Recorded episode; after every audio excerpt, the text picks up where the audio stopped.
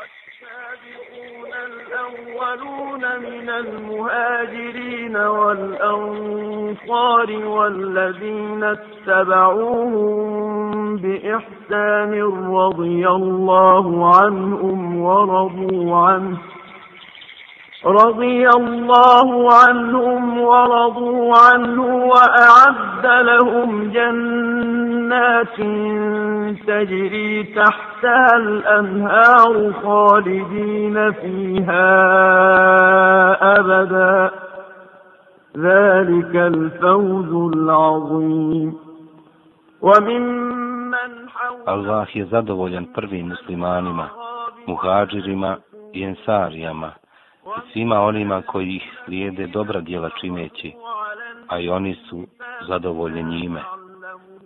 Za njih je on pripremio dženevske bašče kroz koje će rijeke teći i oni će vječno i zauvijek u njima boraviti. To je veliki uspjeh. Znate li ko je to Ummu Seleme? Njen otac bijaše jedan od najuglednijih ljudi u plemenu Mahzum. Bio je darežljiv i gostoprimljiv, te se za njega govorilo da je obskrbljivač putnika, jer bi oni putnici koji su nailazili kroz njegov kraj ili bi putovali s njim, su brigu oko putne obskrbe prepuštali njemu. Njen muž bijaše Abdullah ibn Abduleset, jedan od prve desetorice koji prihvatiše islam – jer prije njega to učiniše samo Ebu Bekra Sidik i mala grupica drugih ashaba, čiji broj nije dostizao ni broj prstiju na dvije ruke. Njeno pravo ime je Hind, ali je prozvana Umu Seleme i njen nadimak je u potpunosti potisnuo njeno ime. Na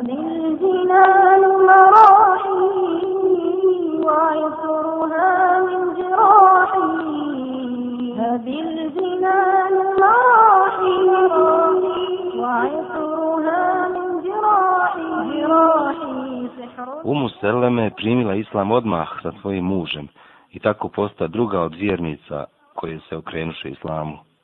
Čim se vijest o prelasku na islam, Umu Seleme njenog muža proču po Mekki, korešije se uznemiriše i rasrdiše. Na sve moguće načine su im prijetili i napadali ih, učili ih takvom žestinom koja bi i čvrsto stijenje uzdrmala, ali oni ne pokleknuše, ne pokolebaše se, niti nadu izgubiše kada uznemiravanje od strane mušrika postane podnošljivo i kada vjerovjesnik svojim vjernim pristavicama dozvoli da učine hijđru u Abesiniju, njih dvoje bijahu među prvim muhađirima. Umu Seleme sa svojim mužem ode u nepoznatu zemlju, ostavljajući u Meki svoju veliku i udobnu kuću, svoj ugled, čast i plemenito porijeklo, nadajući se samo Allahovoj nagradi – i dajući prednost njegovom zadovoljstvu u odnosu na sve dunjalučko. I pored sve brige i zaštite koju umu Seleme i njen muž i madoše od strane Neđašije, abesinskog vladara, neka mu Allah lice u džennet osvijetli, njihova čežnja za Mekom je bila sve jača. Nostalgija za rodnim krajem i viđenjem Allahovog poslanika sallallahu alaihi ve sellem je parala grudi i nje i njenog muža. Onda do muhađira u Abesini počeše dopirati vijesti o naglom porastu broja muslimana u Mekki, te kako je prelazak na islam Hamze ibn Abdul Mutaliba i Omera ibn Hataba ojačao muslimane i umanjio teror Kurejšija nad njima. Tako neki od njih odlučiše da se vrate u Meku, ne mogavši savladati želju i čežnju koja ih je morila. Umu Seleme i njen muž bijahu među tim prvim povratnicima. Ali povratnici u Meku ubrzo otkriše da su vijesti koje su dopirale do njih bile dosta uveličane i pretirano optimističke. Napredak koji su postigli muslimani prelaskom na islam Hamze i Omera je od strane Kurejšija dočekan još žešćim neprijateljstvom i napadima mušrici nastaviše sa terorisanjem i mučenjem muslimana i staviše ih na kušnje kakve ranije nigdje nisu zapamćene. U tim teškim trenucima Allahu poslanik sallallahu alaihi ve sellem dozvoli svojim ashabima da učine hijđu u Medinu, pa i umu Seleme i njen muž odlučiše da budu među prvima koji su bježali sa svojom vjerom od uznemiravanja Kurejšija ali hijđra umu Seleme, njenog muža, nije bila lahka i jednostavna kako se njima činilo da će biti. Ona je bila teška i gorka, tako da je za sobom ostavila veliku bol i tragediju. Pa da pustimo umu Seleme da nam ona prepriča tu svoju tragediju, jer njeni osjećaji su dublji i jači, a njen opis je snažniji i detaljniji. Kaže umu Seleme, kada je moj muž Ebu Selleme odlučio da krenemo prema Medini. Pripremio mi je devu kao jahalicu, postavio me na nju, u moje krilo stavio našeg sinčića Selemu i poveo moju devu, ne osrčujući se više ni na što. Ali prije nego smo ju napustili Meku, presretoši nas ljudi iz mog plemena Benu Mahzum i povikaše mom mužu Ebu Selemi. Ako si baš riješio da nas napustiš, šta si naumio sa svojom ženom? Ona je naša kći. I zar misliš da ćemo te pustiti da je uzmeš sa sobom i tek tako je odvedeš u drugu zemlju? Onda ga uhvatiše, a mene silom oteše od njega. I samo što me pripadnici mog plemena oteše, pripadnici plemena Benu Abdul Lesed, kojim je pripadao moj muž, se silno razljutiše i i povikaše. E nećete Boga mi uzeti dijete sa tom vašom rodicom, ako ste već silom nju oteli od našeg rođaka. Njegovo dijete je i naše dijete. Mi smo preči da nama pripadne. Onda na moje oči počeše da se otimaju za moga sina Selemu, sve dok ga ne istrgoše iz ruku mojih saplemenika i tako ga uzdeše sebi. Za samo nekoliko trenutaka, nađoh se potpuno skrhana od jada i bola, tako usamljena i napuštena. Moj muž se uputi u pravcu Medine, bježeći sa svojom vjerom. Mog sina, skoro poput neke igračke, oteše pripadnici plemena mog muža i odvedoše sa sobom. A ja ostadoh kod svojih rođaka u plemenu Benu Mahzum, koji mi ne dozvoliše da ikuda idem. I tako za tili čas razdvojiše nas sve troje, mog muža i mog sina i mene jedno od drugih. Od toga dana svako jutro bih izlazila u dolinu Meke, pa bih sjedila i plakala na mjestu gdje se desila moja iznenadna tragedija. Stalno bih se prisjećala onih detalja i trenutaka kada smo silom rastavljeni moj muž, moj sinčić i ja, tako plačući ostajala bih na tom mjestu sve do noći. Tu sam provela skoro godinu dana, sve dok ne naiđe jedan od mojih amidžića, pa me vidješ u takvom jadnom halu i stanju, ražali se i smilova, te reče ostalim mojim rođacima. Zašto ne pustite ovu jadnicu? Rastavili ste od njenog muža i djeteta ni krivu ni dužnu. Tako im je govorio i pokušavao da ih umilostivi, sve dok mi ne rekoše.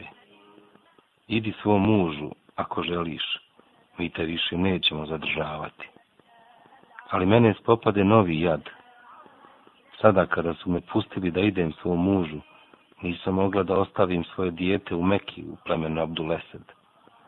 Kako da se pomirim s tim da ne plačem i da ne mislim za svojim djetetom koje ostaje ovdje u Meki, a ja da idem u Medinu i da o njemu ne znam ništa. Kada moji rođaci vidješe novu muku i dilemu u kojoj se nađoh, sažališe se, pa neki od njih odoše, te porazgovaraše sa pripadnicima plemena Benu Abdulesed u vezi moga slučaja i ubijediše ih da mi vrate mog sinčića Selema. U Meki više nimalo nisam željela da se zadržavam pronalazeći saputnike s kojima bih krenula na put bojala sam se da se opet ne desi nešto nenadano, što bi me spriječilo da se sa svojim djetetom pridružim svom mužu i ostalim muslimanima u Medini. Zato požurih i sama sebi pripremih devu za jahanje, stavih svog sinčića u krilo i uputih se u pravcu Medine tražeći svog muža. Putu mi niko živ ne bijaše saputnik. Kada stigoh do mjesta zvanog Tenim, nekoliko milja izvan Meke, susrete me Osman ibn Talha, koji je tada još uvijek bio mušrik, pa mi reče. Gdje si se zaputila kćeri obskrbljivača putnika? Idem svom mužu u Medinu, odgovorih mu. Pa zar nema niko da putuje s tobom? Ne, nema niko osim dragi Allah, a zatim ovaj moj mali sinčić tako mi Boga neću te pustiti da putuješ sama na tako dalek put do Medine, reče Osman ibn Talha i uze povodac moje deve, te povede za sobom i krenu s nama u Medinu. Tako mi Allaha, priča dalje umu Seleme, nikada nisam putovala sa nekim od Arapa da je bio pošteniji i uljudniji od njega. Kada bi god stigli do mjesta na kojem smo namjeravali konačiti, prvo bi zaustavio moju devu, a onda bi se udaljio od nas. I tek kada bih ja sjahala sa deve, on bi privazio i odvodio devu do drveta, gdje bi je svezao i rasedlao. Onda bi odlazio kod nekog drugog drveta, gdje bi se pružio i odmarao. Kada bi ujutro htjeli da produžimo putovanje, on bi moju devu pripremio i doveo do mene, a onda bi se ponovno udaljavao da bih se ja nesmetano popela na sredlo deve i smjestivši se udobno sa svojim sinčićom bila spremna za put. Onda bi on prilazio, uzimao povod od moje deve i produžavao put. Tako je radio svaki dan, sve dok nismo stigli na domak Medine.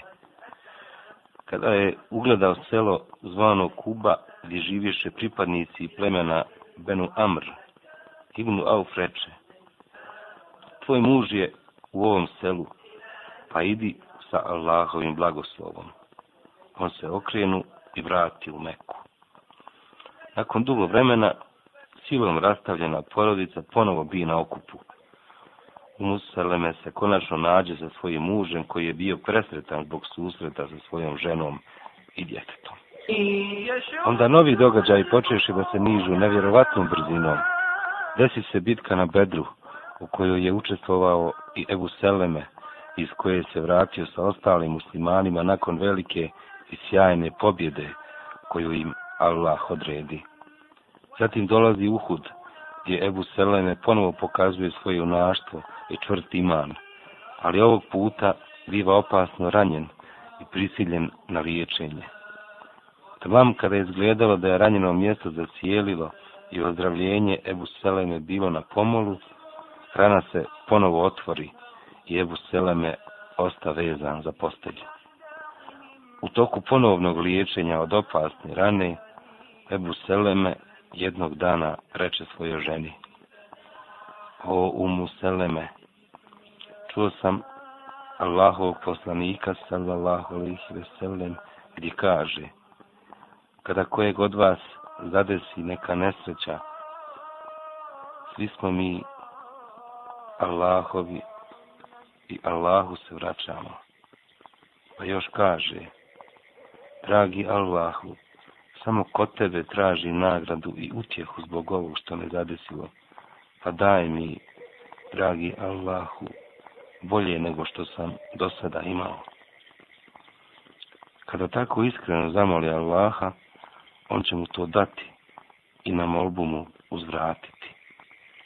Tako Ebu Seleme provede više dana na bolesničkoj postelji. Jednog jutra mu posjetu dođe Allahu poslanik, sallallahu alaihi ve sellem, i kada je svoje zijare već priveo kraju, izašao iz kuće, Ebu Seleme napusti ovaj svijet. Allahu poslanik se povrati pa svojim časnim rukama zaklopi oči svom odanom drugu, a onda malo podignuši pogled, reče Oprosti grijehe, Ebu Selemi, u Allahu i uzdigni ga na počasno mjesto na ovom svijetu. Dostojno ga zamijeni u njegovoj porodici i postaraj se za njih. I oprosti i nama i njemu o gospodaru svih svjetova. Rasprostrani mu i osvijetli njegov kabur.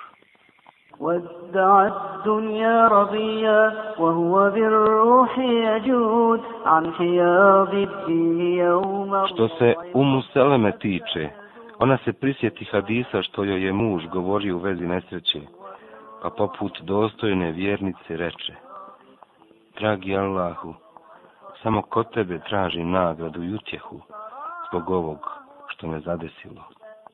Međutim, nikako joj se nije dalo da izrekne dovu do kraja, to jest da kaže, daj mi dragi Allahu bolje nego što sam do sada imala.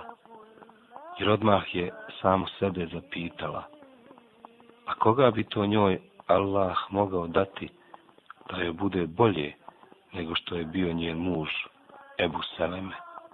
Ipak, nakon nekoliko trenutaka koje provede u dilemi, umu Seleme ipak prouči dovu do kraja. Muslimani su silno ožalostiše kada čuše o novoj nesreći koja zadesi umu Seleme, pa je prozvaše udovicom Arapa, jer ona u cijeloj Medini nikog od rođaka nije imala osim male djece poput Pilića i muhađiri i ensarije osjetiše obavezu da se dostojno i islamski pobrinu za umu Seleme. I samo što je istekao određeni period koji ona provede u žalosti za svojim mužem, Ebu Selemom, ponudio je se Ebu Bekr Esidik i zaprosi je za sebe, što ona uljudno odbi. Onda to učini i Omer ibnul Hatab, ali ona odbi i njega, kao što je to učinila njegovim drugom. Onda joj se ponudi Allahov poslanik na što ona odgovori. O Allahov poslaniče, ja imam tri osobine, pa želim prvo da ih čuješ. Veoma sam ljubomorna žena i bojim se da ne doživiš od mene nešto što bi te razljutilo, pa da me zbog toga kazni uzvišeni Allah. Sem toga, ja sam žena koja je uveliko zašla u godine, a kao treće imam uza se puno djece. Allahu poslanik na to reče. To što si spomenula ljubomoru, ja molim Allaha da je otkloni od tebe. Te godine starosti koje spominješ su nastupile i kod mene isto kao i kod tebe. A što spominješ djecu, pa tvoja djeca će biti moja djeca. Nakon toga se Allahu poslanik oženi sa Umu Selemom i tako joj Allah u Kabuli i primi njenu dovu, jer joj odredi i dodijeli boljeg muža od Ebu Seleme. Od tog dana Hinda Mahzumija presta biti samo Umu Seleme, majka Seleme, nego posta umul muminin, majka svih vjernika, kako se zovu žene Allahovog poslanika. Neka uzvišeni Allah osvjetli lice umu seleme u džennetu i neka je s njom vječno zadovoljeno.